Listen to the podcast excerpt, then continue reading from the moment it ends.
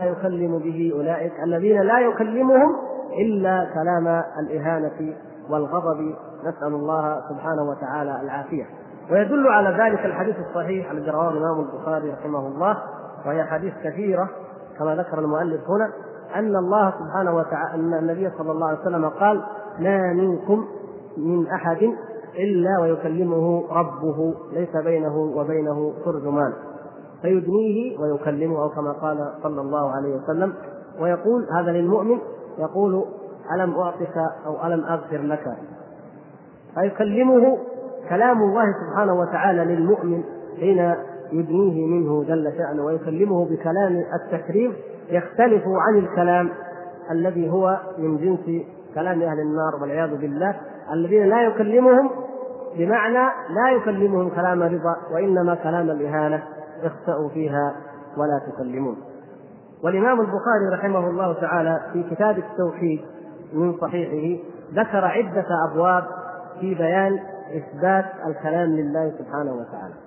ورضي الله تعالى عن الإمام البخاري فإنه في كتاب الإيمان وفي كتاب التوحيد رد على أصناف المبتدعة والجهمية والزنادقة كما عنوان لكتابه كتاب التوحيد والرد على الجهمية والزنادقة.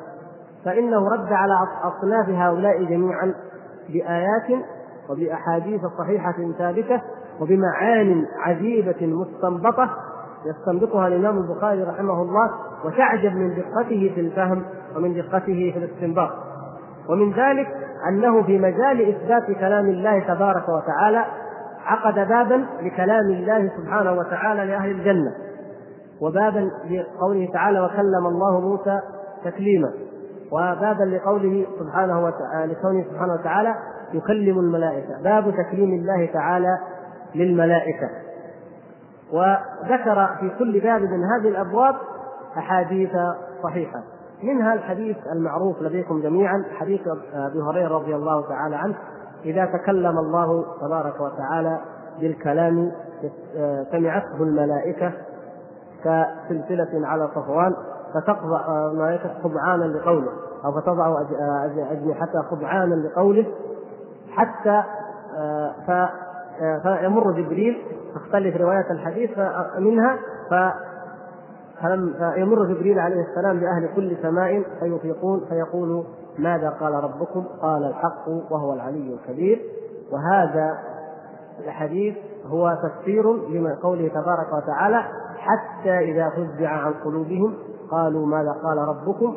قالوا الحق وهو العلي الكبير فهذه الملائكة آه، من آه، وقع صوت كلام الله سبحانه وتعالى عليها فانها آه، تصاب بهذه الحالة الخضعان الإغماء خضعانا لقوله سبحانه وتعالى حتى تفيق بعد ذلك ويكون أول من يفيق جبريل ثم يمر على أهل كل سماء فيخبرهم بما يسألونه. ماذا قال ربكم؟ فيقول قال الحق وهو العلي الكبير حتى أنه يمر إلى السماء الدنيا. فيقول ذلك فيسمعه الجن والشياطين الذين كانوا يقعدون منها مقاعد للسمع. ويذكر أيضا الإمام البخاري رحمه الله تعالى في آه هذا الكتاب حديث في في كتاب في باب كلام الرب تعالى وتبارك لاهل الجنة أن الله سبحانه وتعالى إذا أدخل أهل الجنة الجنة يناديهم ويقول أو ينادي آدم عليه السلام. منها حديث مناداة آدم ومنها حديث ينادي به أهل الجنة. حديثين. حديث آدم يقول الله تبارك وتعالى يا آدم يا آدم فيقول الله تبارك وتعالى لبيك وسعديك. فينادى بصوت ينادى بصوت هكذا الرواية إن الله يأمرك أن تخرج من ذريتك بعثا إلى النار. وكما تعلمون أن أن البعث إلى النار يخرج يؤمر آدم عليه السلام أن يخرج من كل ألف تسعمائة وتسعة وتسعين إلى النار وواحد إلى الجنة. ولذلك لما جزع أصحاب النبي صلى الله عليه وسلم من ذلك أخبرهم أنه أن هؤلاء هم من قوم يأجوج وماجوج نسأل الله العافية. وأننا الأمة الإسلامية ما هي في سائر الأمم إلا مثل الشعرة البيضاء في الثور الأسود. والحاصل أنه في هذه الرواية الصحيحة فينادى بصوت يناديه الله سبحانه وتعالى بصوت. وفي الحديث الآخر الذي رواه البخاري أيضا في هذا الباب معلقا أنه سبحانه وتعالى يناديهم يحشر الله العباد يوم القيامة فيناديهم بصوت يسمعه من بعد كما يسمعه من قرب. وفي ذلك دليل كما أشرنا سابقا إلى أن كيفية كلام الله عز وجل تختلف عن جميع كلام المخلوقين وعن سائر خلقه سبحانه وتعالى وعن كل أحد.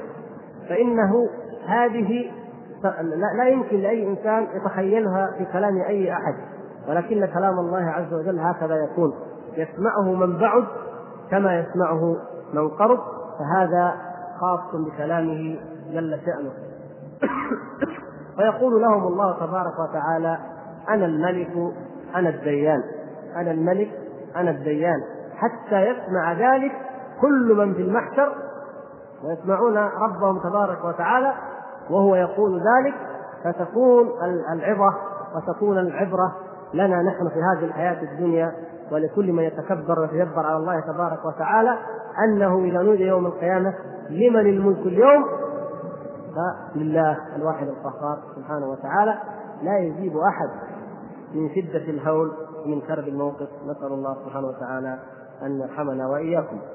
وأيضا مما أورده الإمام البخاري رحمه الله تعالى في هذا الباب كلام الرب مع جبريل. تحت باب كلام الله تعالى مع الملائكة. أورد فيه الحديث الصحيح المعروف لديكم جميعا. إن الله تبارك وتعالى إذا أحب عبدا نادى جبريل. فيقول يا جبريل إني أحب فلانا فأحبه. فهذا كلام من الله عز وجل يخاطب به جبريل. فجبريل يسمعه. وأورد أيضا حديثا آخر وهو حديث الملائكة الذين يتعاقبون فينا. ملائكة بالليل. وملائكة بالنهار يصعدون إلى الجبار تبارك وتعالى فيسألهم وهو أعلم بهم كيف تركت عبادي فيقولون تركناهم وهم يصلون وأتيناهم وهم يصلون وتركناهم وهم يصلون. وهذا كما تعلمون خطاب بين الله تبارك وتعالى وبين الملائكة. وأمثال ذلك من أحاديث صحيحة ثابتة يخاطب الله تبارك وتعالى فيها خلقه. فكما خاطب الملائكة لما خلق آدم عليه السلام واعترضوا على ذلك وخاطبوه وخاطبهم وكما خاطب موسى عليه السلام وهذا ثابت معلوم وكما أيضا يخاطب يوم القيامة المؤمنين الذين في الجنة ويخاطب الملائكة. ومن ذلك أيضا الذي ذكره الإمام البخاري رحمه الله خطاب الله سبحانه وتعالى لأهل الجنة وهو أن الله تبارك وتعالى إذا أدخل أهل الجنة الجنة يسألهم جل شأنه فيقول آه، يا أهل الجنة فيقولون لبيك ربنا وسعديك والخير بين يديك. فيقول لهم الرب تبارك وتعالى هل رضيتم؟ فيقول جل شأنه آه، فيقولون وما لنا لا نرضى وما لنا لا نرضى وقد أعطيتنا ما لم تعطي أحدا من العالمين. فيقول جل شأنه أفلا أعطيكم ما هو أفضل من ذلك؟ فيقولون وأي شيء أفضل من ذلك يا رب؟ فيقول أن أرضى عليكم فلا أحل فلا يحل سخطي عليكم أبدا أو كما قال صلى الله عليه وسلم. وهذا تفسير لقوله تبارك وتعالى ورضوان من الله أكبر فرضوان الله تبارك وتعالى أكبر من كل نعيم. نسأل الله سبحانه وتعالى أن يجعلنا وإياكم من أهل رضوانه وجنته.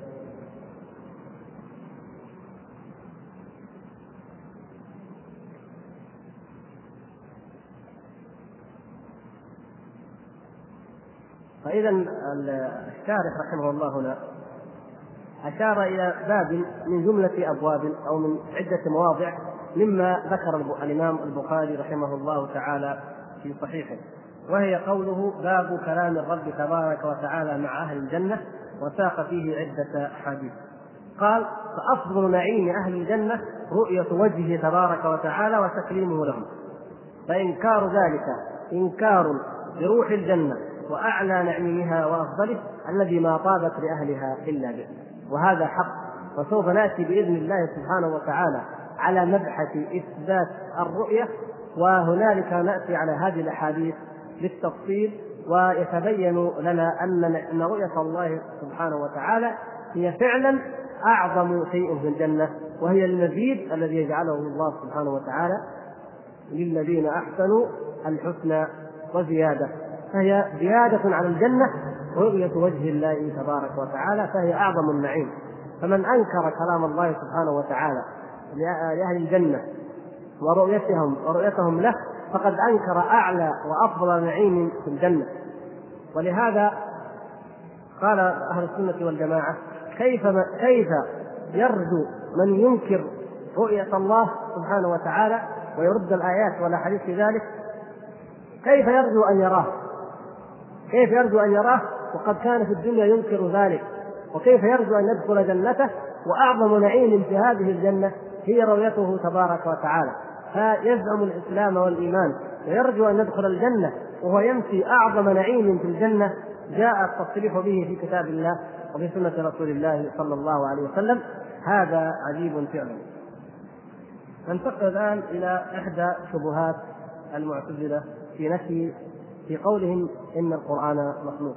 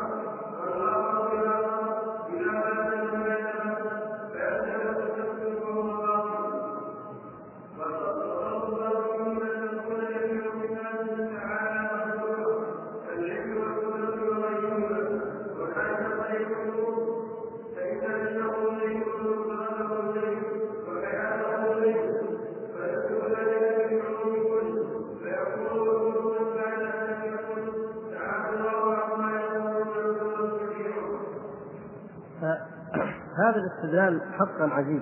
يقولون وهذا مما نظروا به الإمام أحمد والكناني وغيره يقولون إن الله تعالى يقول الله خالق كل شيء. أليس القرآن شيء؟ فيقولون نعم شيء. فيقول الله خالق كل شيء. إذا القرآن مخلوق. كلامه يجعلون كلامه مخلوقا وهو كلامه سبحانه وتعالى الذي يتكلم به استدلالا بكلامه. بهذه الآية الله خالق كل شيء. فيقول الشارح رحمه الله أن هذا من أعجب العجب لأن آه، يقول القرآن شيء يقول لأن أفعال العباد كلها مخلوقة عندهم. يعني لاحظوا أنه انتقل من الرد عليهم بالأدلة العلمية المعروفة إلى الرد عليهم من داخل مذهبهم. يعني كما سبق أن أوضحنا مثلا أنه إذا قالوا الله خالق كل شيء فرد عليهم أهل السنة ردوا عليهم بماذا؟ لأن كلمة كل هنا لا تعني كل كل المخلوقات باستثناء على الإطلاق على الإطلاق.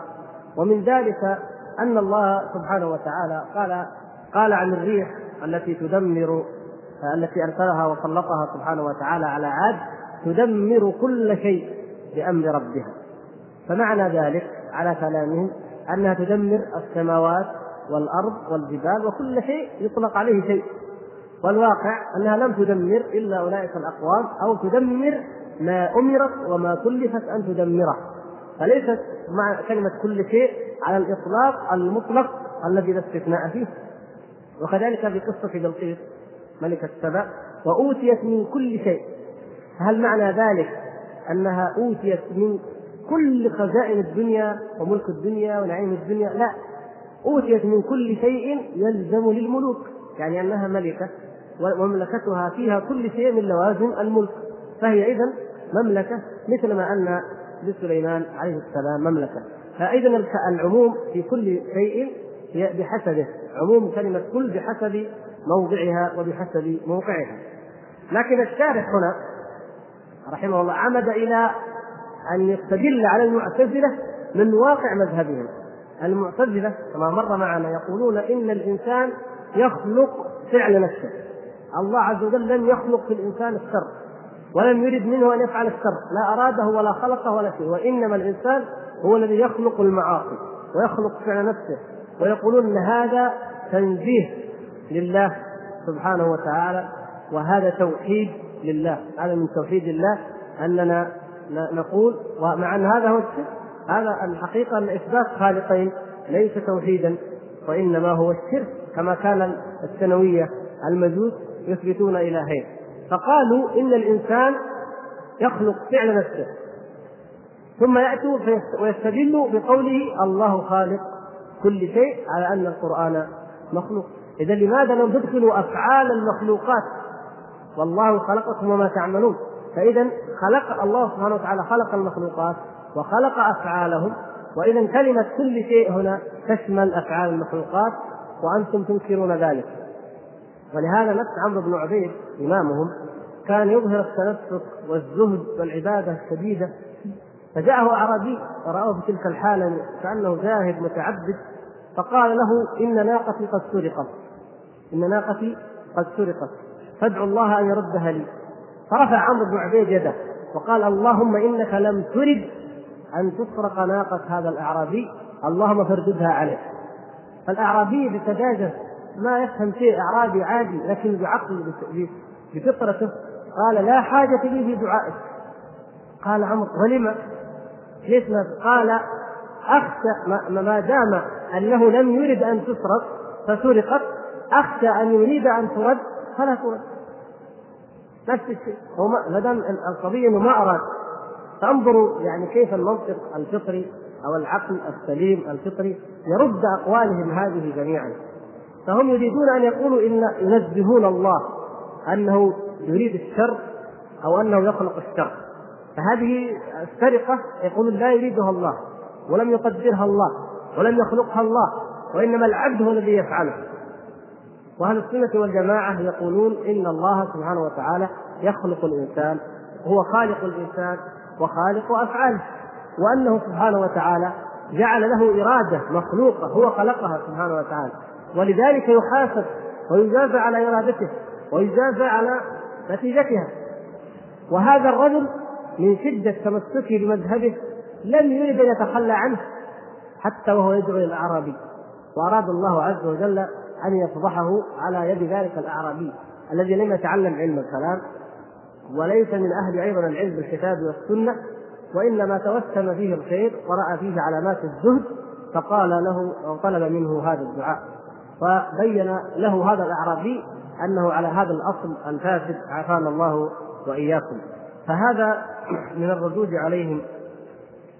فيقول المؤلف رحمه الله يستدل بدليل عقلي واضح. وهو أنه أن كلام الله عز وجل غير مخلوق لأن كلامه به يكون الخلق. بكلامه عز وجل يكون الخلق. إنما أمرنا لشيء إذا أردناه أن نقول له كن فيكون. فالله سبحانه وتعالى كما قال أيضا ألا له الخلق والأمر فهو يأمر وهو يخلق. فإذا كان أمره مخلوق إذا كان كلامه مخلوقا وكان أمره مخلوقا فاذا بما يكون الخلق؟ فهذا الكلام كلمة كن إذا كانت مخلوقة تحتاج إلى أمر لتكون أمر يخلقها. وهكذا. وهذه الكلمة الأولى أيضا تحتاج إلى إلى إلى ذلك ويتسلسل إلى ما لا نهاية. فلا بد إذا وهذا الذي تقطع به العقول التي أعطاها الله سبحانه وتعالى ورزقها الفهم الصحيح أن الأمر غير الخلق. فخلق الله هو هذه المخلوقات التي خلقها سبحانه وتعالى مما نرى ومما لا نرى ما نبصر وما لا نبصر. وأمره سبحانه وتعالى وكلماته غير مخلوقة بل بها يكون الخلق وبها يكون الإخبار وبها يكون الأمر والنهي. ففي هذا قطع لشبهتهم هذه في قولهم إن القرآن مخلوق أو ان كلامه جميعا مخلوق. هذه إن شاء الله واضحة لديكم جميعا. استطرد المؤلف يقول إنه على ذلك تكون جميع صفات الله سبحانه وتعالى مخلوقة كالعلم والقدرة وغيرها. لأنه يعني يقول إذا قلنا خالق كل شيء أيضا علمه شيء وقدرته سبحانه وتعالى شيء وإرادته شيء وهكذا. فتصبح كل صفات الله عز وجل مخلوقة وهذا كفر حتى هم يقولون إن هذا الكلام كفر. اذا كلامه سبحانه وتعالى هو صفة من صفاته مثل سائر الصفات التي لا توصف بأنها مخلوقة بل الله سبحانه وتعالى له الخلق وله الأمر. وهذا واضح إن شاء الله تعالى. ننتقل إلى شبهة أخرى أيضا من الشبهات التي يلوكونها ويرددونها كثيرا وهي قولهم إن المتكلم هو من قام به الكلام لا من فعل الكلام؟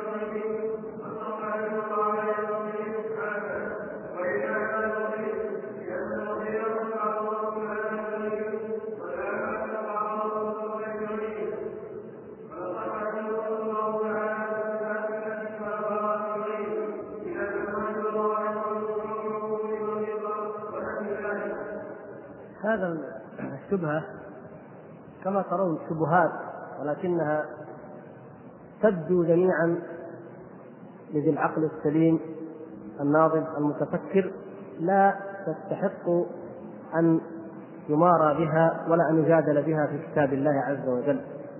ولكن شهوة الجدل والاعتراض على الله ورسوله وعدم التسليم والانقياد له هي الدافع وراء هذه الشبهات.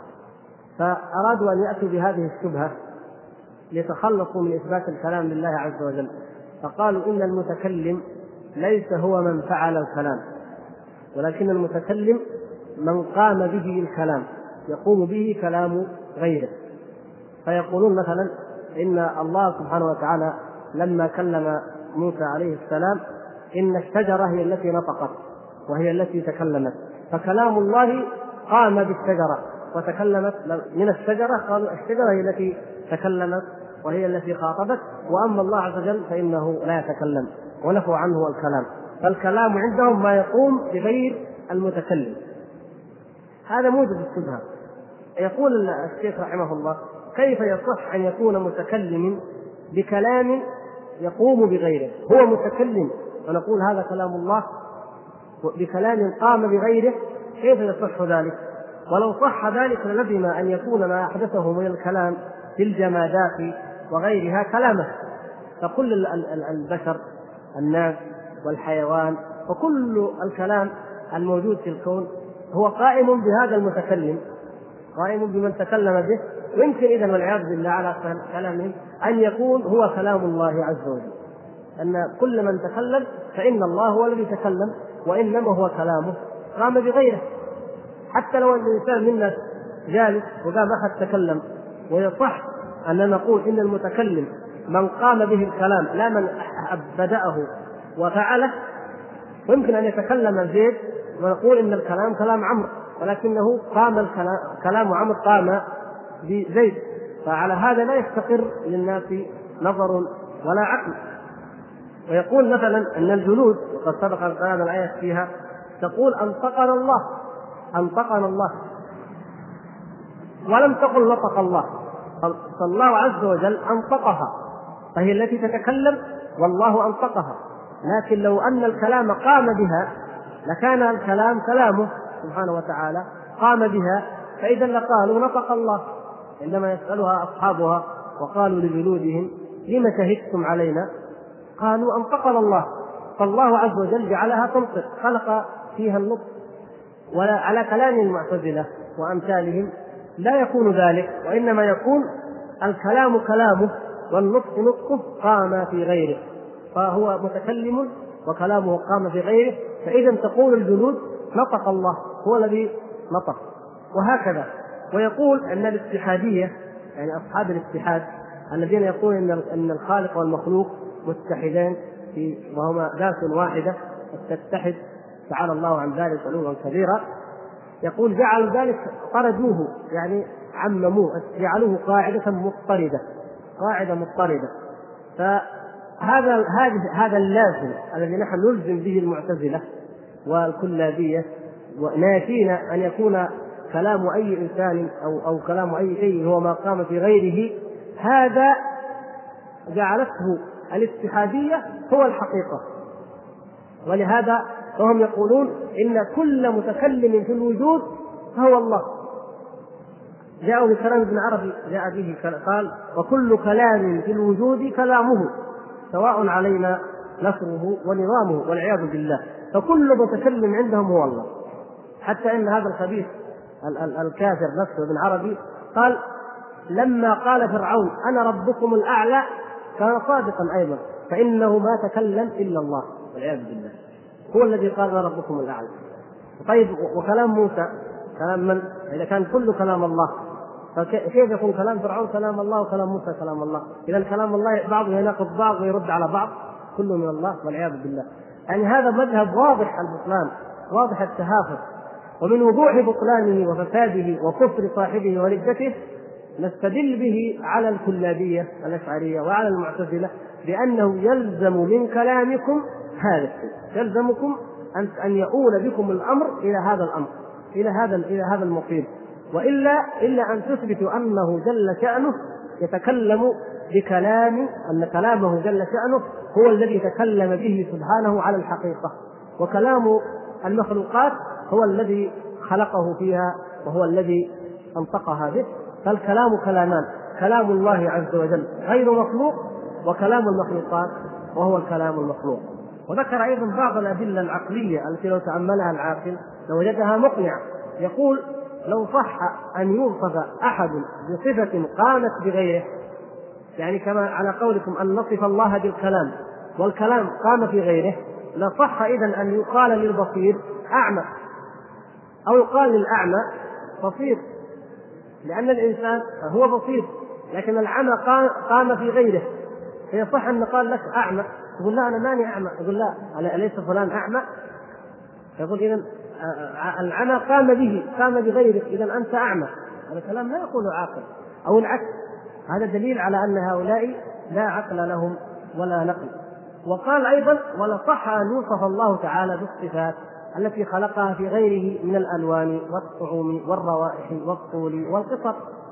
فإن هذا أيضا لازم ووارد أن الله سبحانه وتعالى خلق في الخلق هذه الأمور وأنتم وهم يقولون إن من وصف الله بشيء منها فهو كافر يردون ما أثبت الله لنفسه من الصفات من أجل التنزيه ويقولون مع ذلك إن الكلام هو ما قام بغيره.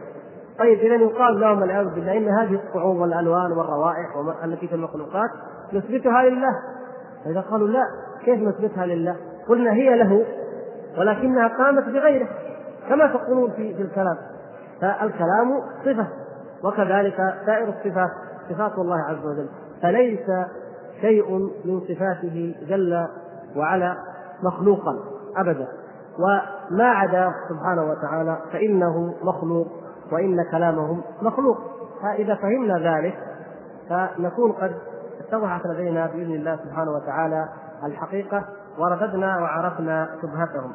فنكون قد استعرضنا الأدلة النقلية أو السمعية آه، الثابتة في أن الله سبحانه وتعالى يتكلم بصوت مسموع وأن هذا القرآن كلامه جل شأنه غير مخلوق.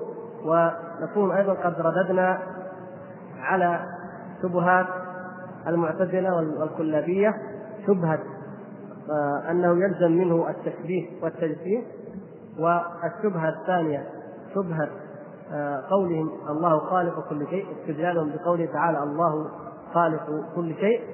والشبهة الثالثة هي شبهة قولهم أن الكلام هو ما قام بالمتكلم لا من أن أن ينسب الكلام إلى من قام به لا من ابتدأه ولا من خلقه أو من نطق آه، فهذه الشبهات وبعد ذلك إن شاء الله نأخذ في الحلقة القادمة بإذن الله تعالى بقية هذه الشبهة في قصة الإمام عبد العزيز المكي الكناني مع بشر المريسي ونستمر أيضا في آه، نقد الشبهة التي هي شبهة العموم في قوله تعالى كل شيء.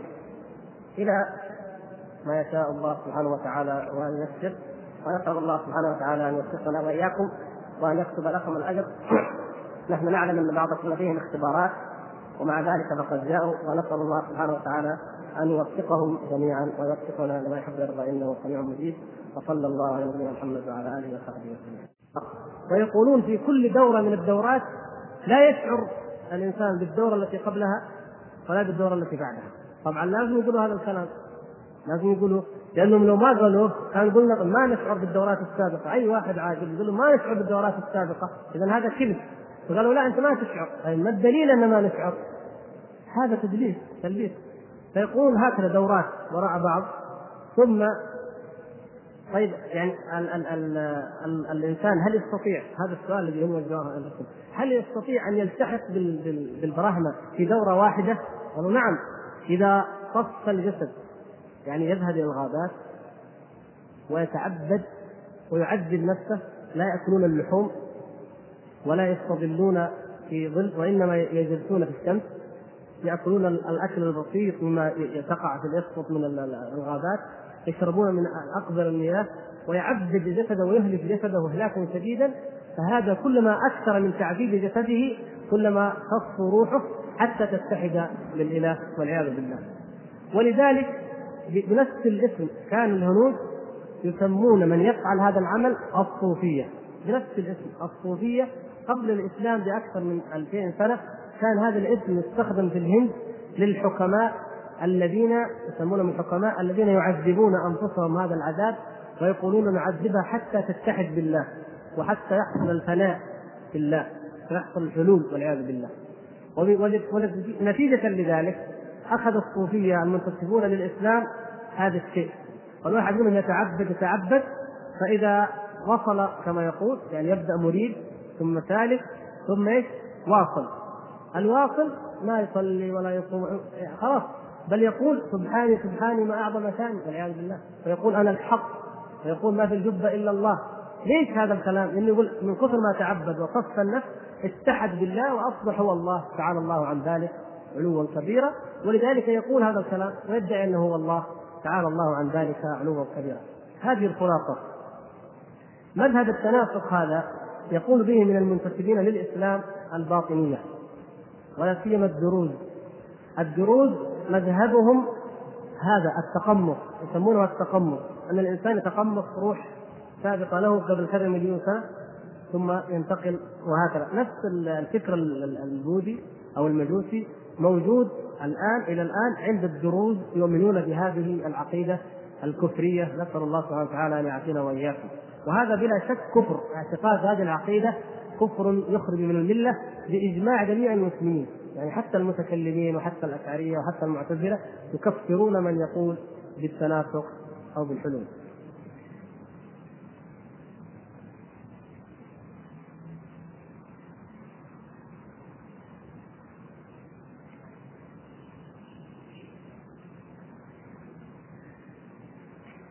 هذا الأخ يقول قد ثبت في الحديث الصحيح أن الرسول صلى الله عليه وسلم رأى الله في المنام في أحسن صورة حديث فيما يختص الملا الأعلى. نعم هذا اللي أنا قلت إنه مختلف فيه وأن في رواية احدى رواياته على شرط البخاري هو هذا نفس الحديث.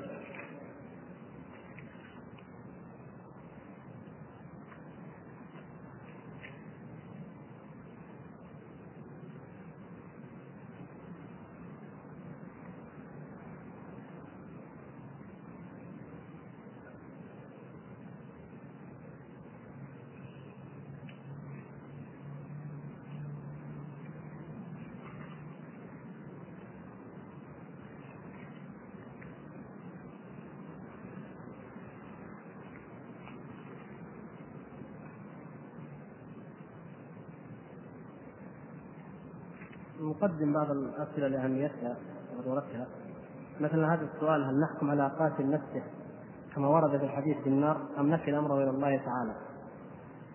قاتل نفسه متوعد بالنار هو متوعد بالنار. لكن أنا وأنت لا نقول إن فلانا الذي قتل نفسه بعينه فلان من أهل النار هو داخل تحت الوعيد. ما معنى داخل تحت الوعيد كما قد أوضحنا ذلك. نقول إن مذهب أهل السنة والجماعة أن الاحاديث وآيات الوعيد هذه في حق صاحبها في الجملة في الجملة جملة من يفعل هذا الفعل كشرب الخمر أو الزنا وأمثاله. جملتهم وأحادهم يستحقون ذلك بمعنى أن هذه هي عقوبتهم لو عاقبهم الله. لكن هذا ليس قطعا بالعقوبة. يعني بمعنى أنه إذا كان الزاني أو شارب الخمر أو آكل مال اليتيم توعدهم الله عز وجل بالنار فهذا نقر به ونثبته ونقول إن جملة الزناه أو السارقين أو الشاربين من أهل النار. ولكن المعين منهم نقول يدخل تحت الوعيد لكن لا نقطع بأن فلانا بعينه في النار. لماذا؟ لأن هذا القطع يحتاج إلى علم وليس لنا لدينا علم. وأما مجرد الآيات والأحاديث التي فيها الوعيد له فإنها تضم إلى مجموع الآيات والأحاديث الأخرى. هناك أحاديث في تكفير الخطايا أليس كذلك؟ آيات في تكفير الخطايا آيات في الوعد وأحاديث في الوعد. فنضع آيات الوعد وأحاديث الوعد مع آيات الوعيد وآيات وأحاديثه ونكل أمره إلى الله عز وجل. الذي شرب الخمر في عهد النبي صلى الله عليه وسلم. شهد له النبي صلى الله عليه وسلم بأنه يحب الله ورسوله. حب الله ورسوله أمر قلبي. نحن إذا قلنا هذا يشرب الخمر اذا هو في النار. لا يجوز هذا لأن قد يكون لديه عمل خفي عنا وهذا العمل آه، ثوابه أعظم من عقوبة شرب الخمر. وأيضا قد نرى انسانا محافظا على الصلوات وعلى العبادات الظاهرة وهو في حقيقته وفي قلبه منافق أعاذنا الله وإياكم من أهل النار. فإذا لا نقطع للمعين إنما نرجو للمحسن الثواب ونخاف على المسيء العقاب. وأما الخلود الذي في في هذا الحديث فإنه ليس الخلود الأبدي لأنه لا يخلد في النار خلودا أبديا إلا الكافر. فقاتل نفسه لا يخلد خلودا أبديا في النار بل يخرج منها برحمة الله سبحانه وتعالى أو بشفاعة النبي صلى الله عليه وسلم أو بشفاعة الشافعين إن دخلها يعني يخرج منها بعد أن يعذبه الله سبحانه وتعالى بما يشاء جل شأنه. نعم هو يعامل معامله المسلم يصلى عليه. يصلى عليه لأنه لابد أن يدعى له. لكن السؤال الآخر الذي قد يرد هنا إنه هل معنى أنه يصلى عليه أو لا تترك الصلاة عليه؟ أنه يجب على كل إنسان أن يصلي عليه. هذه قضية أخرى يا إخوان لاحظوا يعني إنسان مدمن خمر عافانا الله وإياكم مدمن خمر أو تارك دين أو كان يسب الدين أو يكره عباد الله الصالحين أو في من الموبقات مات هل يجب علينا جميعا نصلي عليه؟ فرق بين يجب علينا نصلي عليه وبين أن نقول إنه تجوز الصلاة عليه. إذا أهله أو أقرباؤه أو من كانوا على ساكنته في المعاصي صلوا عليه ندعهم وإياه. لكن نحن لا يجوز أن لا يصلى عليه. النبي صلى الله عليه وسلم في أول الأمر كان إذا أتي بصاحب دين قال هل عليه دين؟ قالوا نعم. قال صلوا على صاحبه. حتى وسع الله سبحانه وتعالى عليه وقضى أصبح يقضي. قال أنا كفيل كل مؤمن. الإنسان يعني يقاس على هذا أي إنسان في تركه الصلاة عليه زجر له. مثل عالم أو إنسان إمام المسجد مثلا يدعو الناس دائما أو إنسان له شأن في المجتمع وينهى الناس عن المعاصي ويأمر بالمعروف وينهى عن المنكر ويموت مدمن خمر أو معروف أنه تارك صلاة الجماعة مطلقا أو له أفعال قبيحة مشهورة فإنه يعني هنا ليس فقط يجوز قد يشرع قد يكون مستحبا أن من كان له فضل أو علم أن لا يصلي عليه زجرا للآخرين. حتى يقال ما صلى عليه فلان يقول نعم لأنه كان كذا كذا. فيخاف صاحب هذا الفعل ومن كان يعمل مثل عمله يخاف أيضا أنه لو مات لا يصلى عليه فيرتدع ويتوب اذا القضية إنه يجوز نعم يعامل آه، قاتل نفسه يعامل معاملة المسلم لا معاملة الكافر في الصلاة وفي الدفن.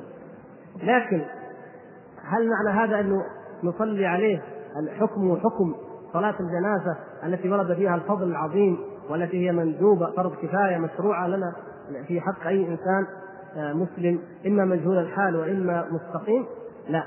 قد يكون من عقوبته أنه لا يصلى عليه. ولا سيما إذا كان ذلك الفعل ممن له شأن أو فضل وترك الصلاة عليه فيه ردع وزجر للآخرين.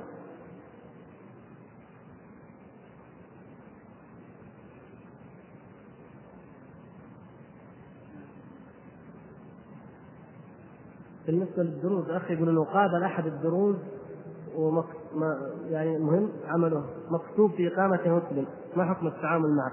ما دام عرفت أنه درزي يعني ما دام عرفت أنه درزي فلا تعامله معاملة المسلم.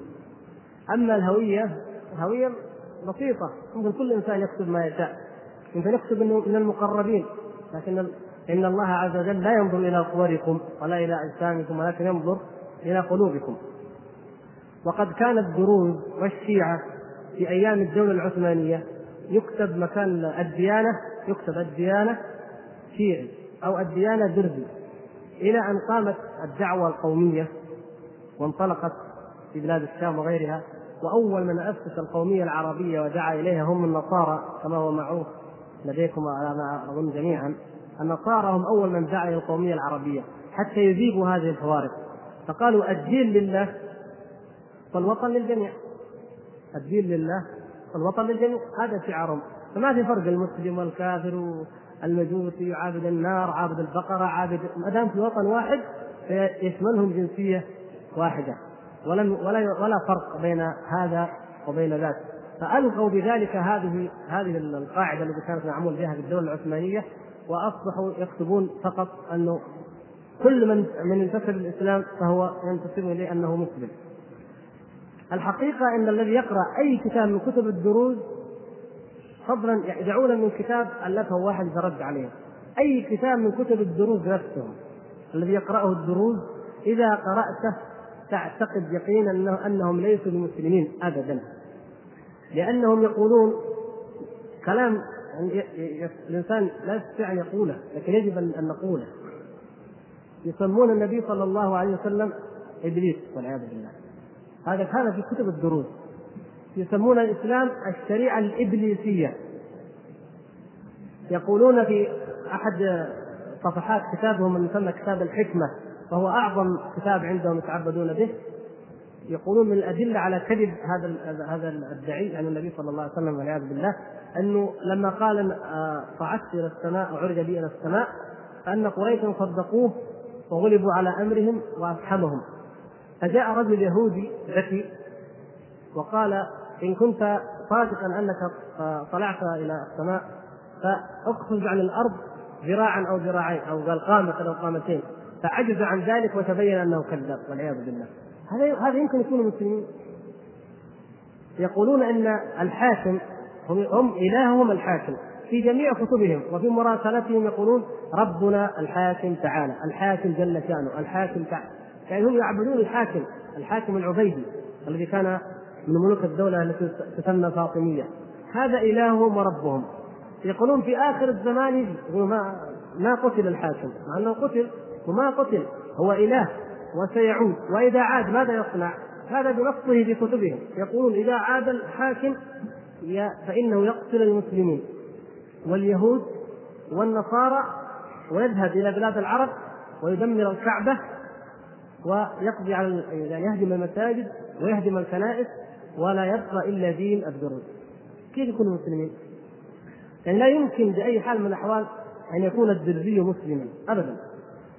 لكن من يجهل حاله الله المستعان كثيرا ما نجهل أحوال هؤلاء القوم. في يعني من الكتب اللي يمكن تقرأوها وممكن تكون موجودة واضحة آه، في كتاب هذه وصيتي. كمال جنبلاط هذا كتاب عادي يعني ينباع كمال جنبلاط وابن وليد جنبلاط هما من قادة الدروز. هذا الكلام مذكور فيه. مذكور فيه التقمص ومذكور فيه تناسخ الأرواح وتاليه الحاكم وأمثال هذه الأشياء. يذكرها ليوصي بني قومه. من أراد أن يقرأها فهي أظنها أنها تباع عادي يعني. اظنها ما هي ممنوعة لأنه الكلام هذا ضمن ضمن كلام آخر. فما اظنها ممنوعة مع أنه طبعا المفروض أنها ممنوعة كتب الدروز لكن أنا رأيت بعض كتب لكمال بن بلاط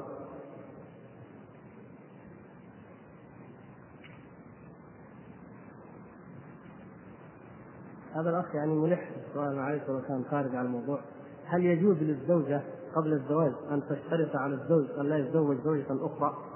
وهل إذا اشترطت عليه ووافق الزوج على ذلك الشرط هل يلتزم به؟ وما حكم ذلك؟ هل يؤثر على العقيدة؟ لأنه ينافي ما جاء في الشرع؟ وفي الحقيقة لا ينافي ما جاء في الشرع.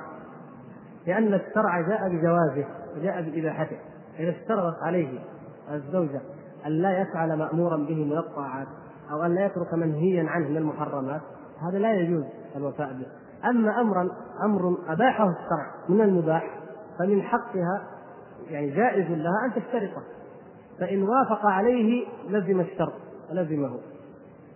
هذا الشرط لا بد من الوفاء به. أي شرط آه، صحيح لا يلزم يعني ليس فيه إباحة آه، حرام ولا آه، تحريم حلال فإنه يجب على الإنسان أن يلتزم به. بمعنى هنا هذا شيء مباح. يعني صحيح هو حلال بالنسبة للرجل لكن هي لا تحرمه في ذاته لا تقول إن هذا الأمر حرام. هي تشترط عليه قبل الزواج وتقول أنها لا تريد أن يتزوج عليها. فهو إذا مخير إما أن يقبل هذا الشرط فلا يتزوج عليها ويتزوجها ويلتزم بذلك وإما أنه يبحث عن زوجة أخرى. أما إذا التزم بالشرط فإنه التزم بأمر آه، يجب أن يأتي به إلا في حاله إذا أراد أن ينقضه إذا رضي. إذا رضيت الزوجه بان يتزوج فإن هذا الشرط هي التي اشترطته وهي التي تنقضه أو توافق وتسمح به. فلا بد أن يعني أن نعرف حقيقة هذه الأمور. لا نغلو أيضا. صحيح أن الزواج أن التعدد أفضل لأن الناس اليوم كما ترون النساء في كل عصر ومصر أكثر من الرجال والحاجة إلى تعدد الزوجات ضرورة أصبحت في هذا الزمن لكن لا يعني هذا أننا أيضا نستط ونقول لا أن المرأة لا يجوز لها أن تشترط ذلك. لأنه هذا من حقها هذه ضره هذه تسمى ضره ولا بد أن النفوس يقع فيها الخلاف وحتى بين أمهات المؤمنين وقع ذلك. فإذا شرطت ذلك فإما أن ترفضه من أول الأمر وإما إن وافقت عليه أن تلتزم به إلى نهاية الأمر.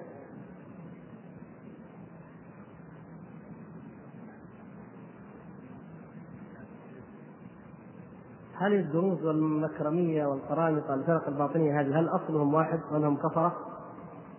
هذا هؤلاء كلهم أصلهم واحد وهو الباطنية. يسمون الباطنية ويسمون الإسماعيلية ويسمون التبعية ويسمون القرامطة ويسمون الخرمية وأمثال ذلك. منهم العبيديون ومنهم أصحاب ثابت الخرمي ومنهم قرامطة البحرين قرامطة الشام طوائف كثيرة. هذه كلها يجمعها اسم الباطنية وكتب الفرق. حتى الكتب التي كتبها الأشاعرة مثلا مثل الفرق بين الفرق أو مثل الملل والنحل الشهر الثاني. يعني هذول ليسوا من أهل السنة والجماعة هم من أهل الكلام من الاشاعره أهل الكلام. لكن مجمع تذكر الإجماع على تكفير الباطنيه حتى كتب الزيدية من الكتاب المنيا والأمل ابن المرتضى هذا من كتب الزيدية. وعمدة عندهم في العقيدة. حتى الزيدية يصرحون بتكفير الباطنية. وقد وقعت بين الزيدية والباطنية حروب طويلة بسبب أن هؤلاء يعتقدون كفرهم. هذه فرقة خارجة عن الإسلام.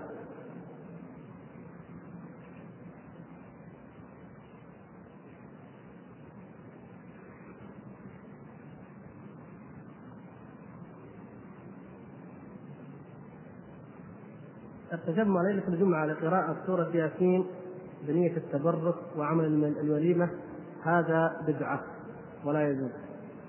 وكذلك المآتم ما يعمل في المآتم أن يحضر عدد معين ويؤتى بمكبرات الصوت كما سأل الأخ في وقت معين ويقرأ القرآن في أوقات معينة والناس جالسين. هذه كلها من البدع.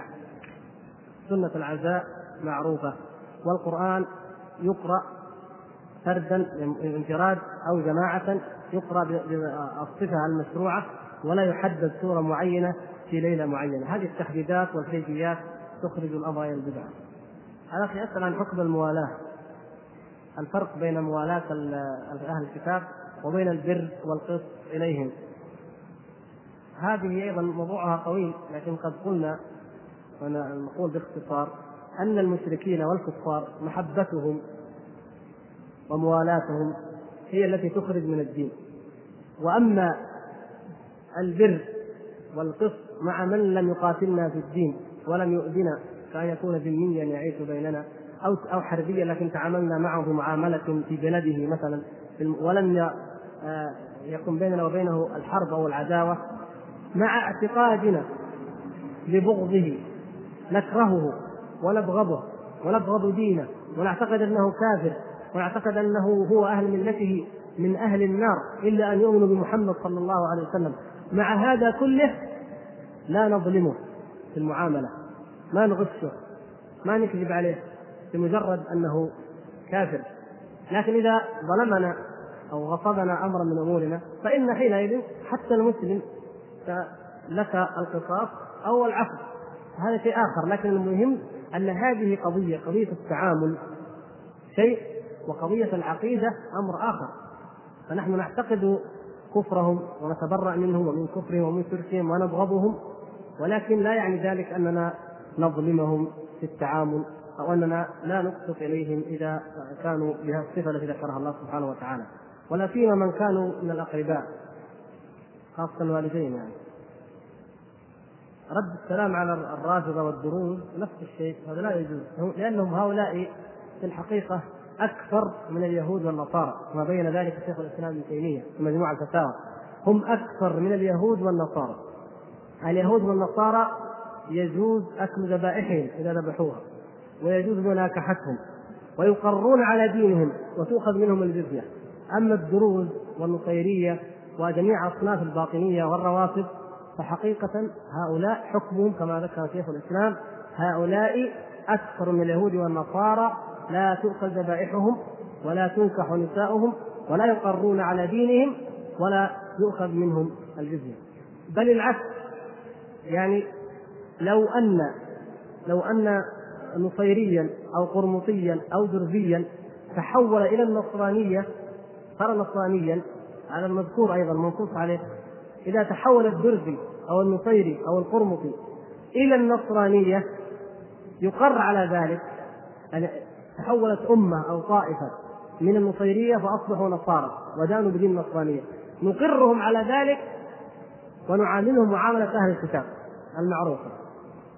لكن لو أن نصرانيا أو يهوديا كنا نعطيه الذمة والعهد دخل إلى الباطنية صار قرمطيا أو نصيريا فإنه لا يقر على ذلك. وهذا أيضا نص عليه شيخ الإسلام لأن ال ال ال ال ال الإلحاد الذي هم عليه والكفر الذي هم عليه آه، أشنع من كفر اليهود والنصارى.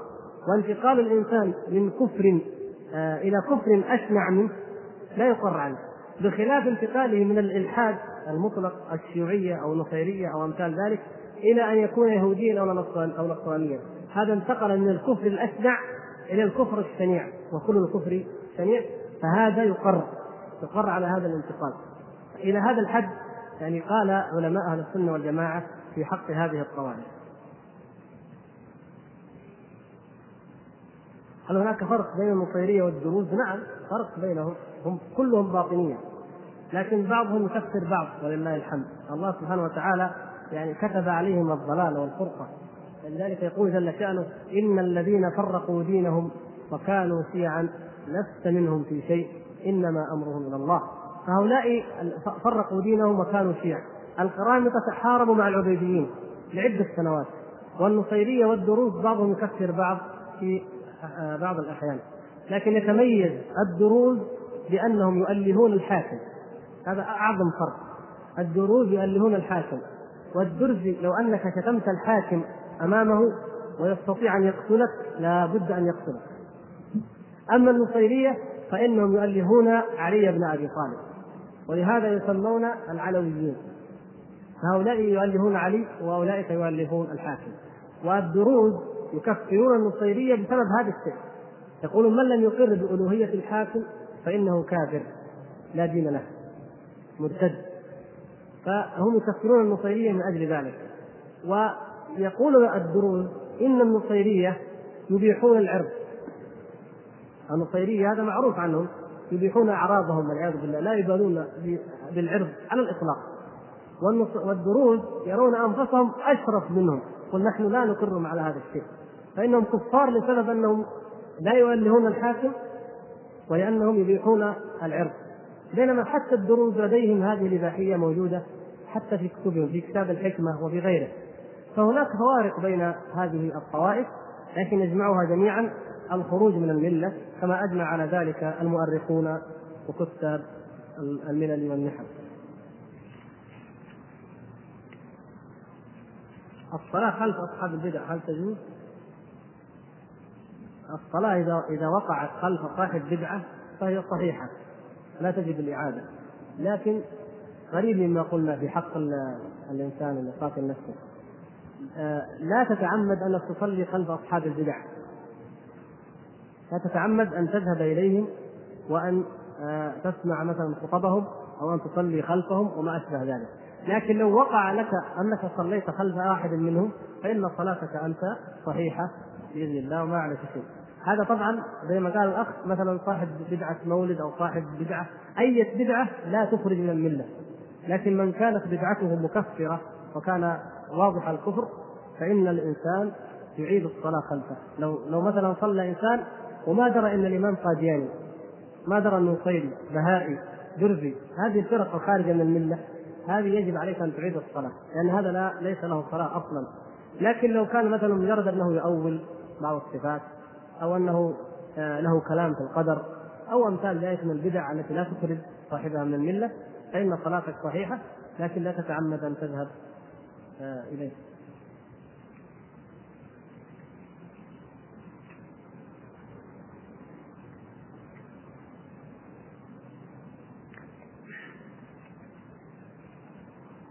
في بعض الأسئلة حقيقه تحتاج إلى وقت طويل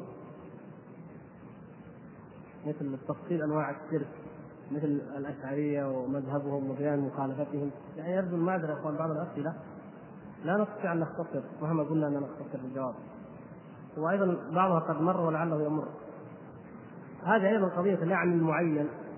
من يرتكب امرا تهدد الشارع صاحبه باللعن هل يجوز لعنه بعينه؟ مرت في الحلقة الماضية. قلنا إن الأرجح أن لعن المعين لا يجوز بل تلعن أصحاب الذنب عامة. تقول لعنة الله على الظالمين لعنة الله على الكاذبين لعنة الله على الكافرين. وأمثال ذلك أما لعن المعين من أهل هذه الملة فإنه الأرجح أنه لا يجوز ولا ينبغي للمؤمن أن يكون لعانا ولا فاحشا قضية سماع الأموات أيضا قضية طويلة الذيل ومن ذرائع الشرك لكن لا يحتمل الوقت الآن الحديث عنها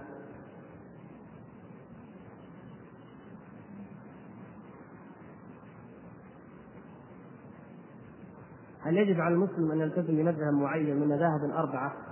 يجب؟ لا لماذا يجب؟ الوجوب لا يكون إلا بأمر الله أو بأمر رسول الله صلى الله عليه وسلم والالتزام بكلام أي إنسان غير النبي صلى الله عليه وسلم معناها الموافقة له في خطئه وفي صوابه. وهذا لا يكون لاحد إلا رسول الله صلى الله عليه وسلم الذي لا يقع منه الخطأ في البلاغ عن الله عز وجل. وأما غيره فإنه غير معصوم ولا يجوز آه، تقليد أو اتباع غير المعصوم صلى الله عليه وسلم. والائمه الأربعة ليس فيهم أحد دعا الناس إلى اتباع اقواله كل الأئمة الأربعة إنما جاءوا يريدون الحق ويريدون السنة ودعوا الناس إلى السنة وأنكروا على من يعارض آه، سنة النبي صلى الله عليه وسلم بكلامهم بأقوال ثابتة عنهم معلومة في مواضعها. ذكر بعضها الشيخ ناصر الدين الألباني في أول آه، كتابه صفة صلاة النبي صلى الله عليه وسلم. فهم نفسهم ليسوا لم يرضوا ولم يدعوا إلى أنفسهم. هل كل طوائف الشيعة خارجة من الملة المحمدية؟ لا.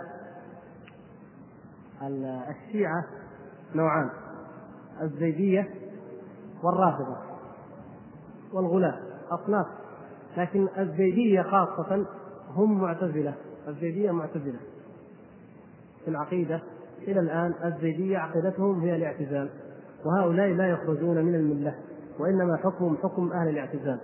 أما الرافضة الذين يكفرون أصحاب النبي صلى الله عليه وسلم ويقولون إن القرآن محرف وأنه ناقص ويذكرون الكفريات المعروفة عنهم فهؤلاء آه، نفس الزيدية تكفرهم.